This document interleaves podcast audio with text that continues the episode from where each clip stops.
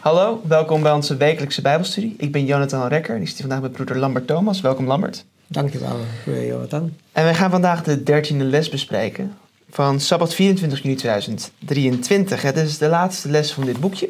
Het is het tweede kwartaal van 2023. En dit boekje heet De wereld van voor de zondvloed en moderne gezondheid. Ja. Maar vandaag gaan we het niet hebben over de wereld van voor de zondvloed, maar Nee. over de wereld van de zondvloed en daarna. En daarna. Ja. Kort daarna, ja. En die les heet Noach en dronkenschap.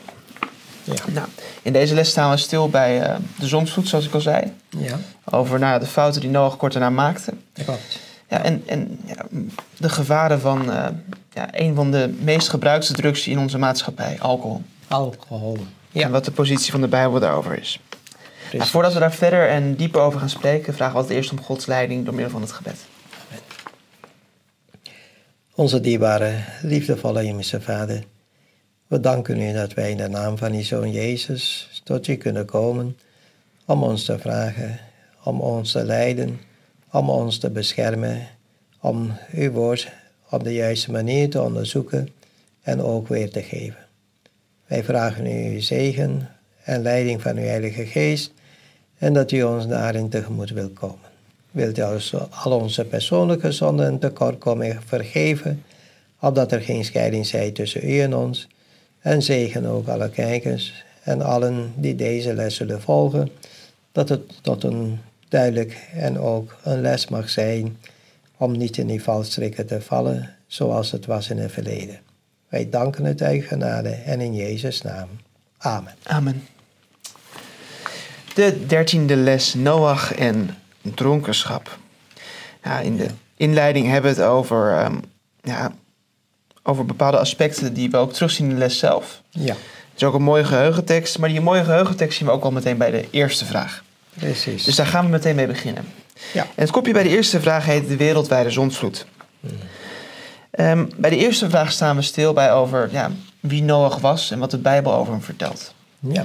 In ehm, Genesis 6, vers 7 wordt verteld dat de mens zo slecht is dat God van plan is om ze te vernietigen. Ja, En wat vertelt de Bijbel dan Mozes dan, die Genesis heeft geschreven? ja. Wat wordt ons vervolgens verteld over, tegen die achtergrond van dat God verdriet heeft over de mensen die hij heeft gemaakt? Ja, Dat hij van plan is om de mensen te vernietigen. Wat, Ja. vertelt, hij dan, wat vertelt de Bijbel ons dan over Noach? ja. Nou, de Bijbel vertelt ons hier in eh, Genesis eh, 6 dat Noach, hij vond genade in Gods ogen. Dus het beviel God wel dat Noach er tenminste was tussen al, ja, laten we zeggen, de afgang van Ja. die tijd. Ja? En ook zelfs eh, staat er dat hij was rechtvaardig en oprecht. En heel duidelijk staat er ook geschreven onder zijn tijdgenoten. Ja, Ja.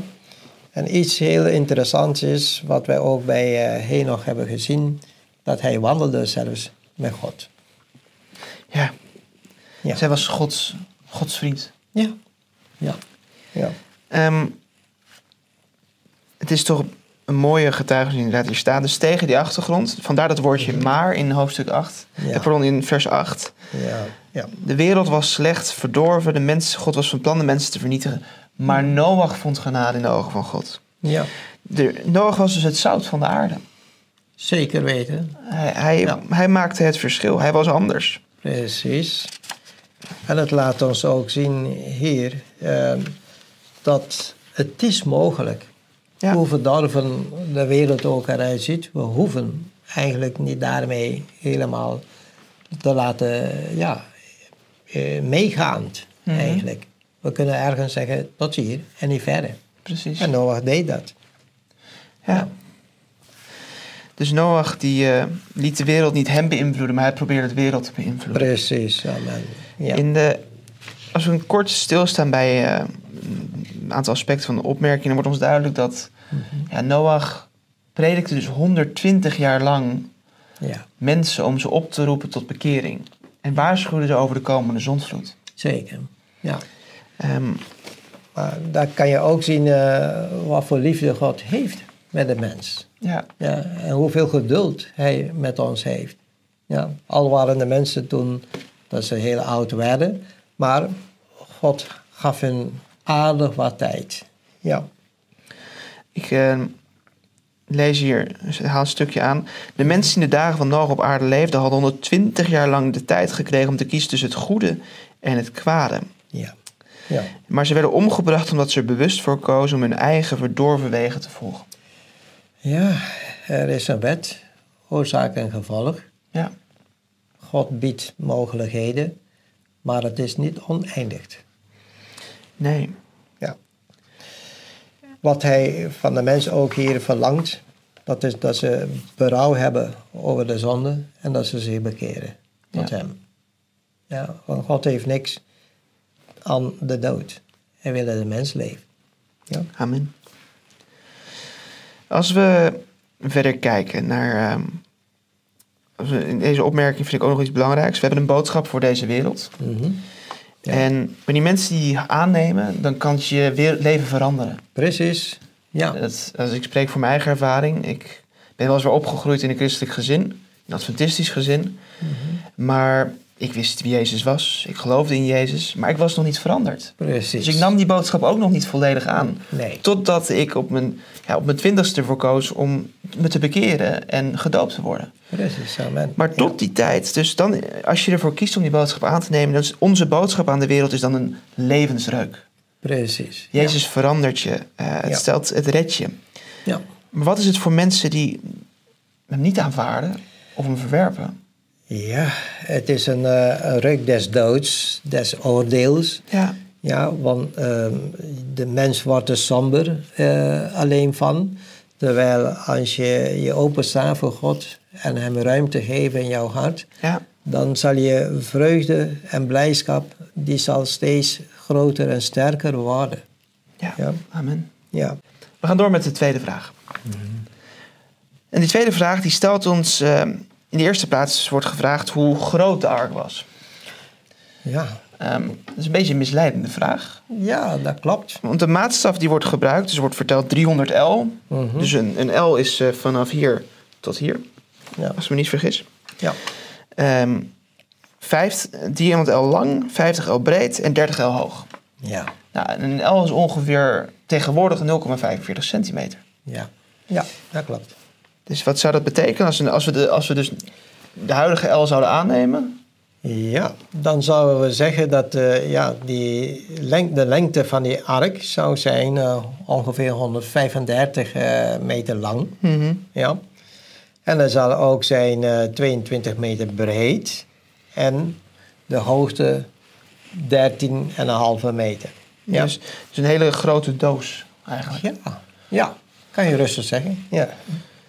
Ehm, alleen, ik zei al misleidend. Want we passen Ja. hier... Ik pas hier mijn... De lengte van mijn elleboog hiertoe Mhm. ja. op een, ma- een maatstaf van die tijd. Ja. We weten uit de geestelijke profetie dat eh, Adam ongeveer, ik geloof me niet vergis, drie meter lang is. ja, op zijn minst. Bijna dubbel zo groot als ik. Eh, ongeveer, ja, ongeveer dubbel, net niet dubbel zo groot als de gemiddelde man. Nee. Ik denk dat de mensen in de zonsvloed niet veel kleiner zijn geweest. Nee, dat is eh, zeker. Ergens staat er weer eh, geschreven dat ze waren net als reuzen. Ja, dus het zou, het zou Ja. goed kunnen dat we dus hier ja, factor anderhalf, factor 1,8 moeten rekenen. Ja, ja. En dat de ark dus misschien wel 200 meter lang was. ja we moeten toch eh, ruim erin Ja. kunnen staan en gaan. Ja, Ja, precies. Want als, hij, als Noach ook boven de 2 meter, eh, om, tussen de 2 en 3 meter was, ja, ja. ja. dan zou dat ook die drie verdiepingen ingewikkelder maken. Nee. Ehm, het bijzondere is, dus de ark had drie verdiepingen. Mhm. Was, Ja. Had dus ja, naar onze lengtemaatstaven, als we uitgaan van onze L, 135 meter lang. Het precieze getal weten we dus niet. Nee. We weten dus wel de verhoudingen. Dat hij drie verdiepingen Mhm. had. Ja. En dat er bovenin ook een lichtopening was. Maar geen ramen. Nee. Aan de zijkanten. Nee. Aan de zijkant. Alleen maar boven. En interessant is dat dat ene licht daar, dat die ging door verder naar al die andere verdiepingen. Ja. Ja. Dus eh, God is erg wijs hoe hij de constructie heeft laten maken daar van die ark. Hè? Precies. Ja.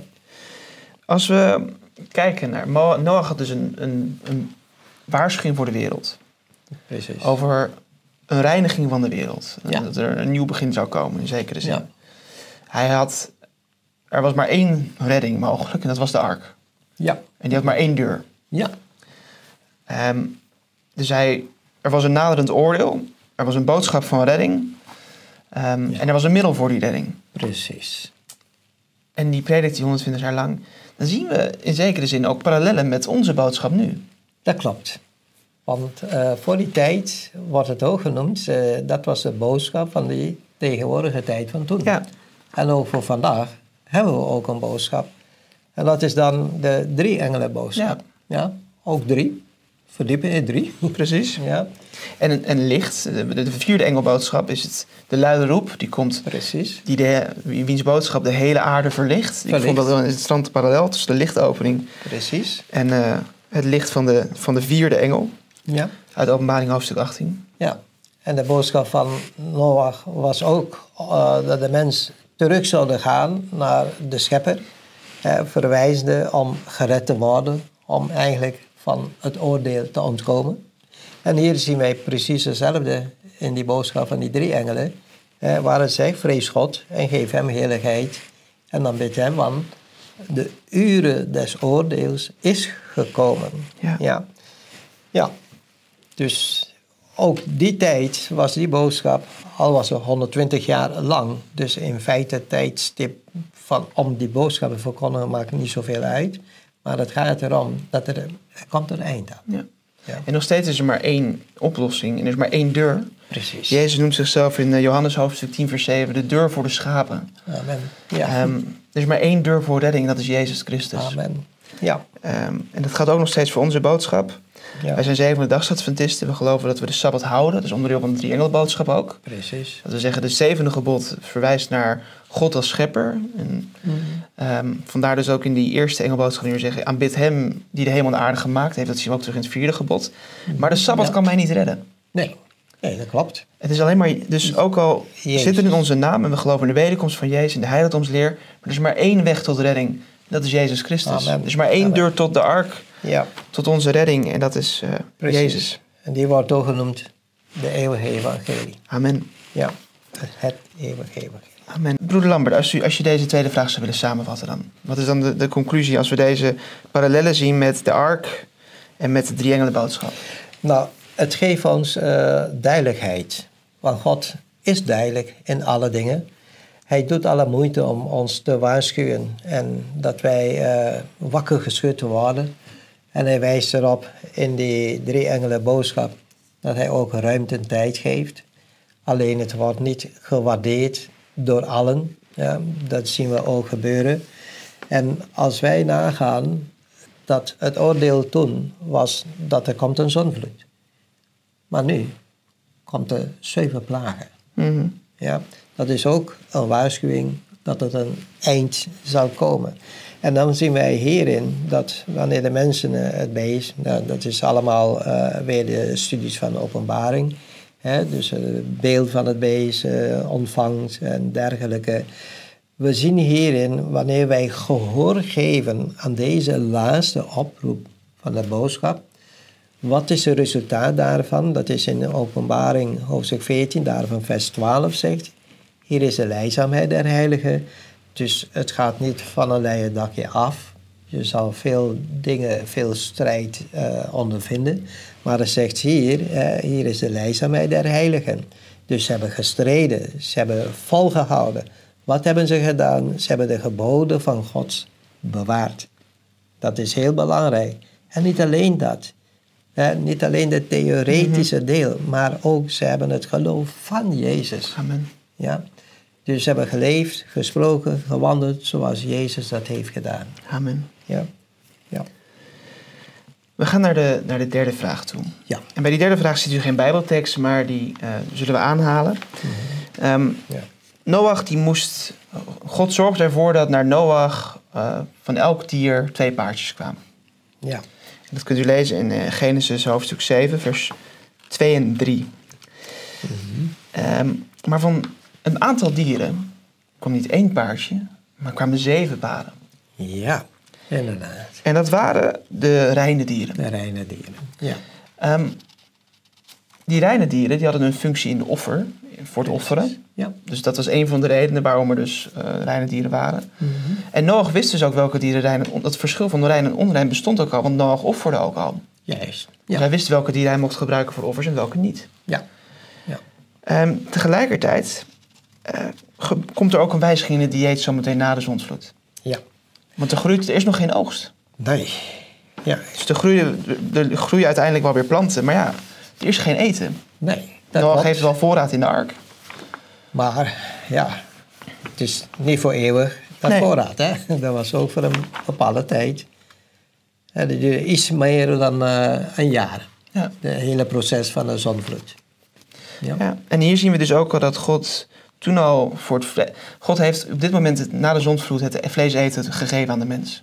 ja. Uit noodzaak, niet omdat God wil dat mensen vlees eten, Nee. ehm, maar omdat God stond er toe en God heeft het toegestaan en wij geloven dat God het niet langer meer toestaat omdat we het niet meer nodig hebben. Dus Precies. we zonder kunnen. Ja, want dat, dat, is, dat komt later eh, eigenlijk in de geschiedenis terug. Ja, Namelijk eh, toen het volk van Israël uit eh, Egypte waren bevrijd. En God gaf hun manna. ja, Ja? Dus in feite wilde God teruggaan naar de oorsprong van hun dieet. precies. Ja. En we zien hier dus dat God ook al een verschil maakt tussen welke dieren wel niet gegeten mochten worden. Dat dat niet per se iets is wat pas met het Joodse systeem kwam. Nee. Dat het rein en onrein, dat bestond al vanaf Noach. Juist. Ja. Ehm, dus dat God daar ook duidelijk in maakte ja, welke dieren nou verstandiger waren om te eten. Als je al vlees had, Ja. ja, dan is dit gezonder dan dat. Juist. Precies. Als je een, eh, een toppredator eet, Mhm. een toppre- dus dat is een leeuw, Mhm. eh, een haai of iets anders. Nou, bij ieder die hebben weer een dier opgegeten, je een ander dier heeft opgegeten. Mhm. En steeds slaan er allemaal afvalstoffen, Precies. komen steeds hoger Ja. en worden steeds meer geconcentreerd. Dus Juist. dat is ongezond. Ja. Eh, dus God mm, wil dat we verstandige keuzes ook maken. En toen al gaf God ook mee, dat hij gaf het aan de mensen, toen stond hij toe om vlees te eten. Maar hij maakte er ook al toen beperkingen aan. Precies. Ja. Ehm, als we dan naar kijken naar het, de, de periode van de zondvloed zelf. Hè.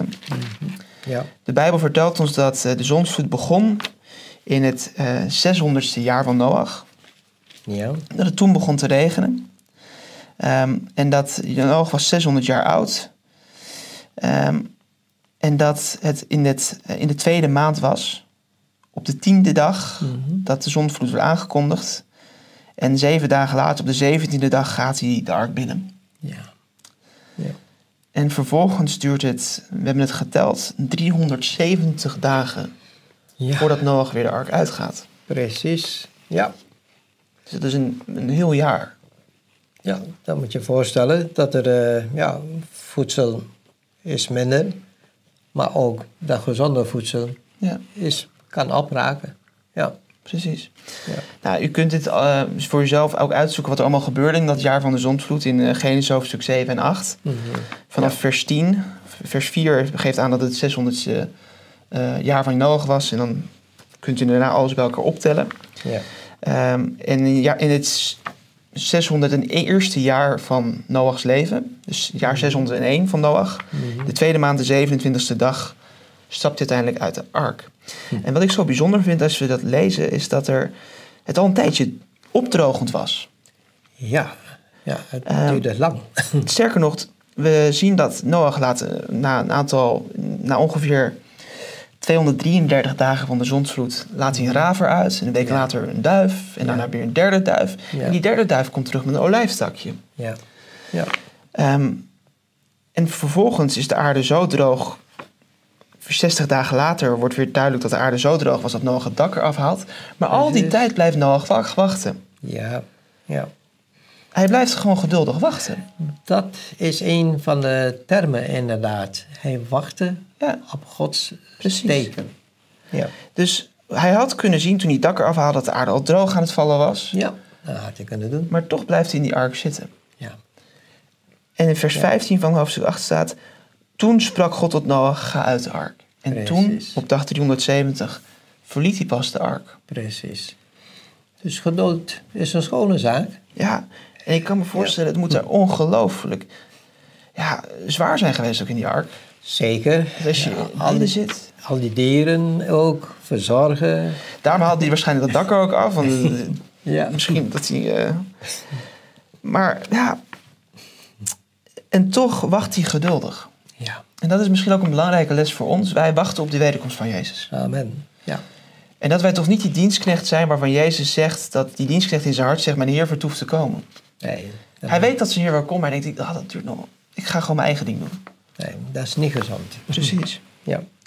Dus het is ook een mooie, belangrijke les voor ons. ja, zeker. Ja. Noach eh, ging de ark uit en hij bracht een offer. En God, het is eigenlijk een nieuw begin. Ja. Een soort van eerste herschepping. Mhm. Eh, de aarde is gereinigd van de zonde. Zo lijkt het in ieder geval Ja. nog. Ja. Ehm, en Noach nou, verbouwt een tuin en een wijngaard. Ja. En wat zien we dat ja, deze, ja, de eerste tweede adem, want Jezus is de echte tweede adem, maar dit is een eerste tweede adem, de, eerste, de vader van ons allen ook. Ja. Wat gebe- Ja. wat, als we naar de vierde vraag gaan, wat gebeurt er met hem? Nou, we zien hier eh, dat, eh, wat je net noemde, Noach was een, een landbouwer, ja, Ja. Hij plantte een wijngaard, maar hij dronk van de wijn en eh, helaas staat er ook bij, en hij werd dronken. En wanneer men eh, dronken wordt, dat betekent, je bent niet meer 100% jezelf. En hij kleedde zich uit, staat er in het midden van zijn tent. Ja. Ja, dat is ook, ja, zou je zeggen, eh, was dat nodig? Nee, misschien heeft je iets gedaan dat hij helemaal niet in bewustheid heeft gedaan, omdat hij dronken was. Dus dat laat zien dat de wijn kan doorslaan en dat wij heel rare dingen gaan Ja. doen. Precies. En we zien hier de tweede val van de mensen eigenlijk.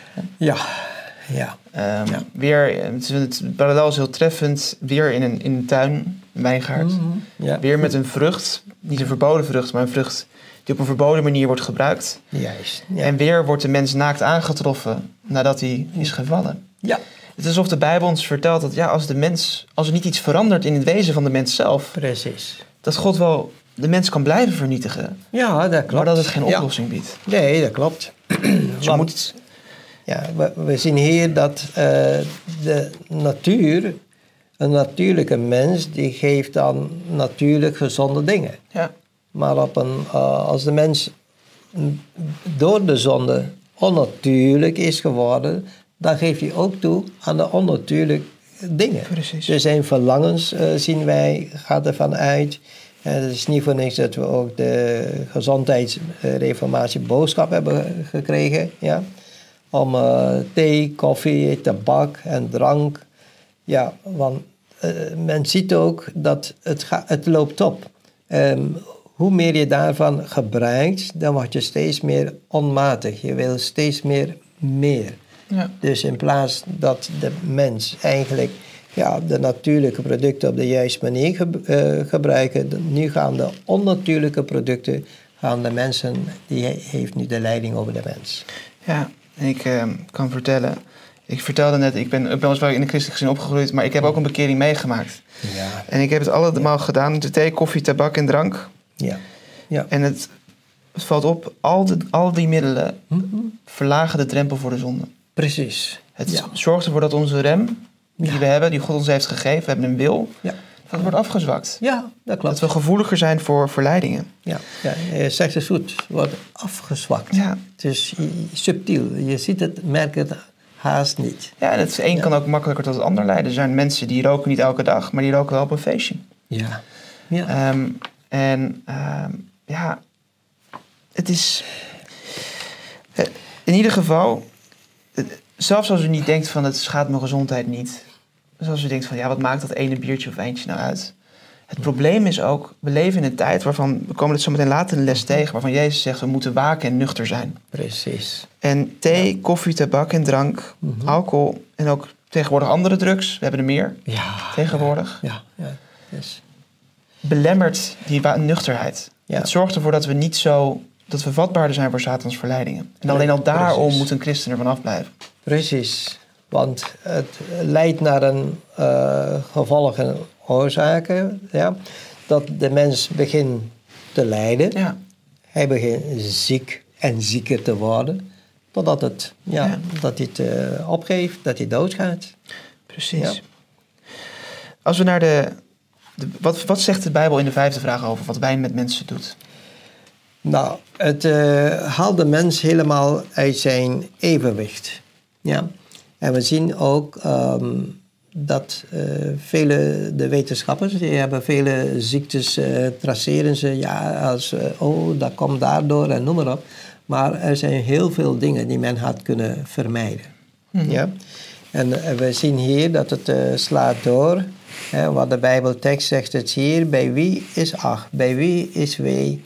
Bij wie is geruzie? Bij wie geklaagd? Bij wie zijn er wonden zonder reden? Bij wie wazige ogen? Bij hen die lang doorgaan bij de wijn. Bij hen die komen om gemengde drank, hè, dus die cocktails van tegenwoordig, te proeven. Ja. Kijk niet naar de wijn, worden we gewaarschuwd, wanneer hij rood kleurt. Als hij fonkels in de beker, al glijdt hij gemakkelijk naar binnen. Ja. Uiteindelijk bijt hij als een slang, spuwt hij gif als een adder. Je ogen zullen naar vreemde vrouwen kijken en je hart zal verderfelijke dingen spreken. Nou, duidelijk. Het is echt, dit zien wij regelmatig rondom ons vandaag Dus gebeuren. Salomo schreef dit bijna 3000 jaar geleden op. Ja, ja, En het klopt nog steeds. ja, En in die tijd eh, dronk men ook druivensap, maar ook gist. En hij zegt, ja. ja, het leidt blijf er vanaf. Begin er niet aan. Nee, Want het zorgt ervoor dat je vatbaar wordt voor verleiding. precies. Al glijdt hij makkelijk naar binnen, al is het zo lekker. Ja, Het bijt als een slang, het spuwt gif als een adder. ja. Je ogen zullen naar vreemde vrouwen kijken. Ja, ja. Dat doet me heel veel denken aan uh, liqueur. Curaçao heeft ook een liqueur. Ja. Ja. Zo zoet als ik weet niet wat, maar de gevolgen zijn niet overzien. Ja. Ja. En je zal domme dingen uitzoeken. Je zal verderfelijke dingen spreken. Ja. Ik, ehm, voor, toen ik eh, in mijn bekering was, eh, toen ben ik nog een keer meegegaan naar een feestje. Toen, toen was ik gestopt. Toen Ja. dronk ik niet meer. Ehm, en eh, ik was al één keer ging ik mee, maar toen, toen dronk ik dus niet. Mhm. En dan besef je pas wat voor... Ja.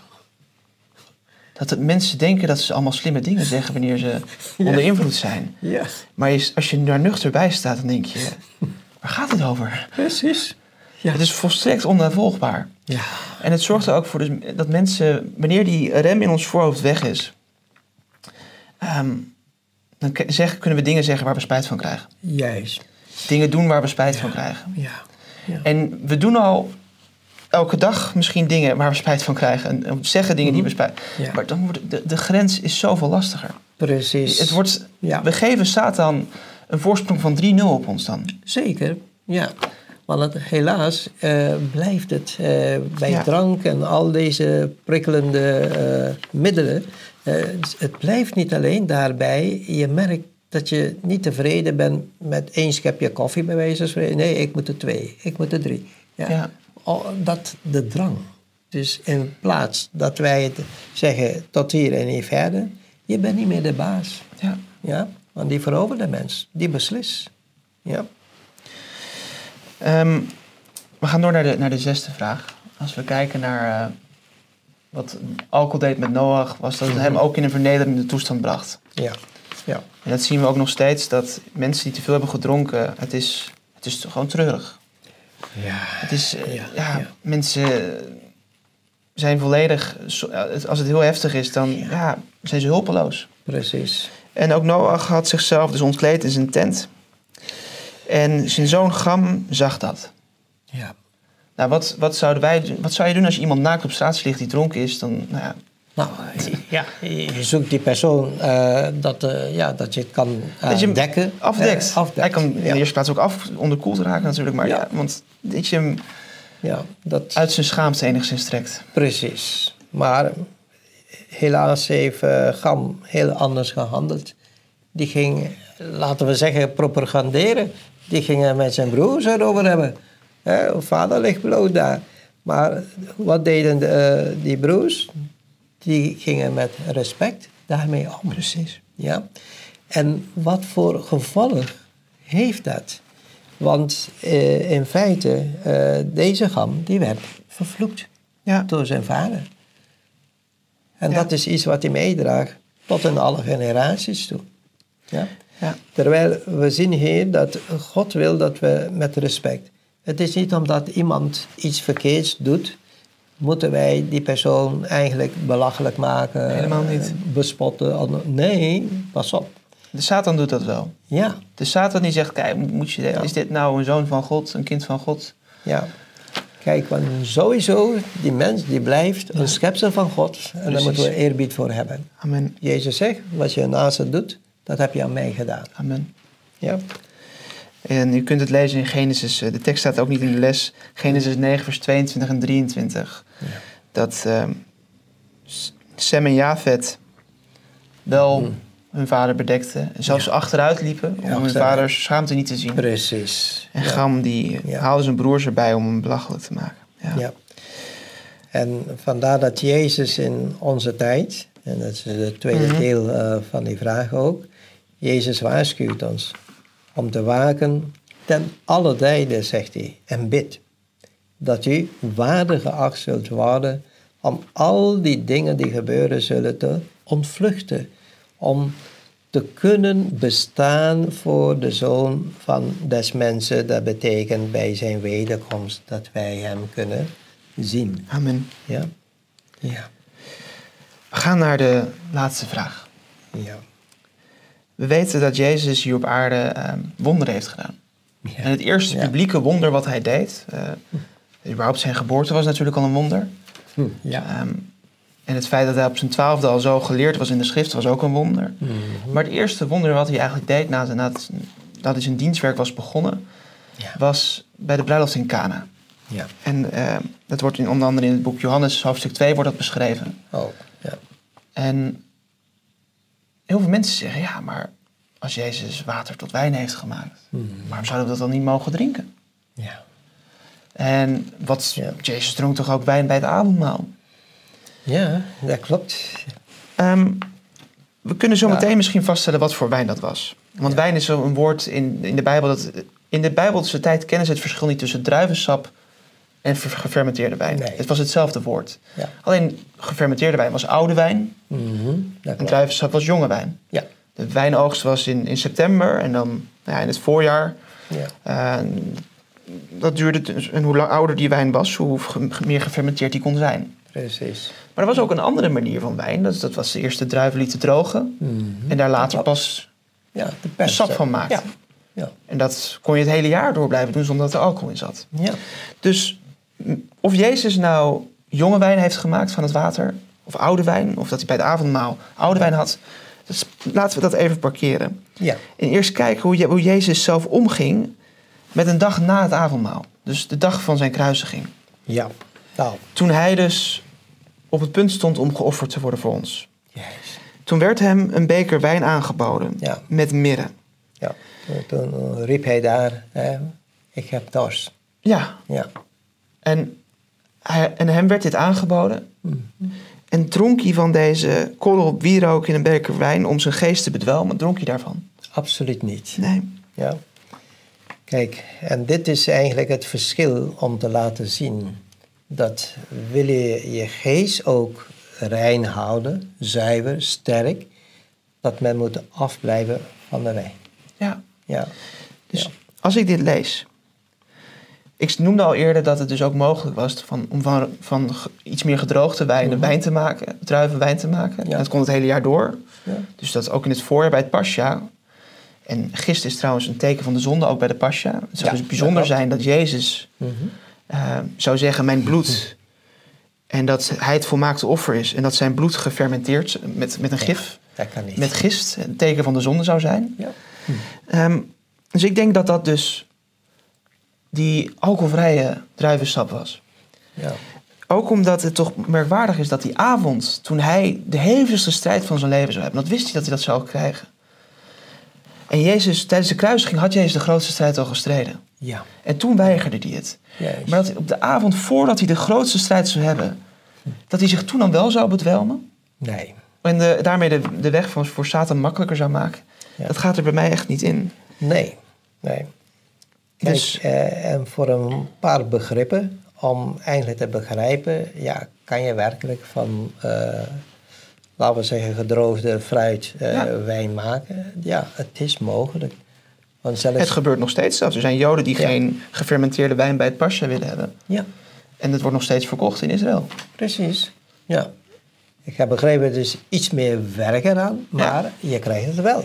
Zeker. Ja, want eh, in onze termen, dus op Curaçao, eh, wordt de kokosolie geperst. Maar het is niet van die, eh, van die binnenste van een kokos dat zacht is. Nee, het is gedroogd. Dat moet eerst bewerken. Ja, en dan wordt het bewerkt tot de olie. Ja. Dus het is mogelijk dat dit ook zo is gegaan. En dus het is dus heel, niet aan voor ons, als we kijken naar wat de Bijbel ons, hoe Jezus zelf omging daarmee met wijn, dat hij het weigerde toen. Eh, het, de- het is voor ons aannemelijker dat hij dus die niet gefermenteerde eh Wijn. rozijnenwijn zou hebben gehad Ja, bij het avondmaal. nee. Als Jezus ons ook waarschuwt om niet dronken te worden, om niet, dat in Lucas 21, dat haalde je net al aan. ja. Als we gaan dan naar het bruiloftsfeest in Cana zou gaan, zou Jezus dan dus ook aan die mensen dan een middel hebben gegeven Nee. wat hen in een roes zou brengen nee en wat hen niet. vatbaar zou maken voor zonde? Nee. Dat ze domme dingen zouden gaan doen? Nee. Hij is juist gekomen om de mens te verhinderen Ja. om niet in het kwade te vallen. Ja. Precies. Er wordt zelfs gezegd, u heeft het beste voor het laatst bewaard.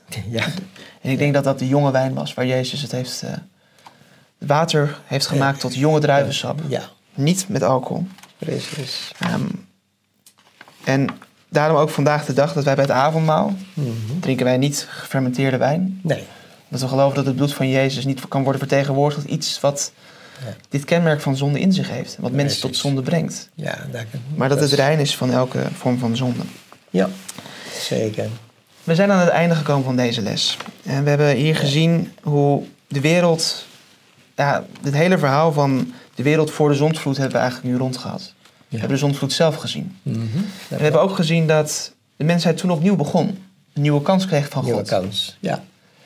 En, Maar dat het niet lang duurde voordat deze ja, eerste, tweede Adam, Noach, Mhm, onze ja. voorvader, Ja. toch wel weer eh, zelf in de fout ging. En dat waar Adam en Eva zondig door het eten van een vrucht, Noach de zonde beging van zijn eigen genotzucht met drank, Precies. met alcohol en wijn. Ja, En daar zit ook een les in voor ons. ja, We leven in een ernstige tijd. precies. Ja, er is een, eh, een motto die ons eigenlijk wil eh, helpen onderweg. Ja, En dan zegt hij hier, we moeten proberen om geen compromissen te sluiten. Geen onderbrekingen van onze inspanningen tot de overwinning is behaald. amen. Ja. Dus Jezus zegt ook, we hebben tot nu toe niet ten bloede toe gestreden. Dus dat betekent, we moeten wel inspannen om het beste te doen. Ja, Ja, amen. Ja. Mijn wens en gebed is dat eh, God u ook mag helpen om de juiste keuzes te maken in de gezondheid, waar we de afgelopen kwartalen bij stil hebben gestaan. ja. En dat God u mag helpen om toch ehm, steeds voor Hem te kiezen. Dat we de le- lessen mogen trekken uit deze les die we hebben gezien van onze verre voorouders. En deze laatste voorouder van ons allemaal, Noach.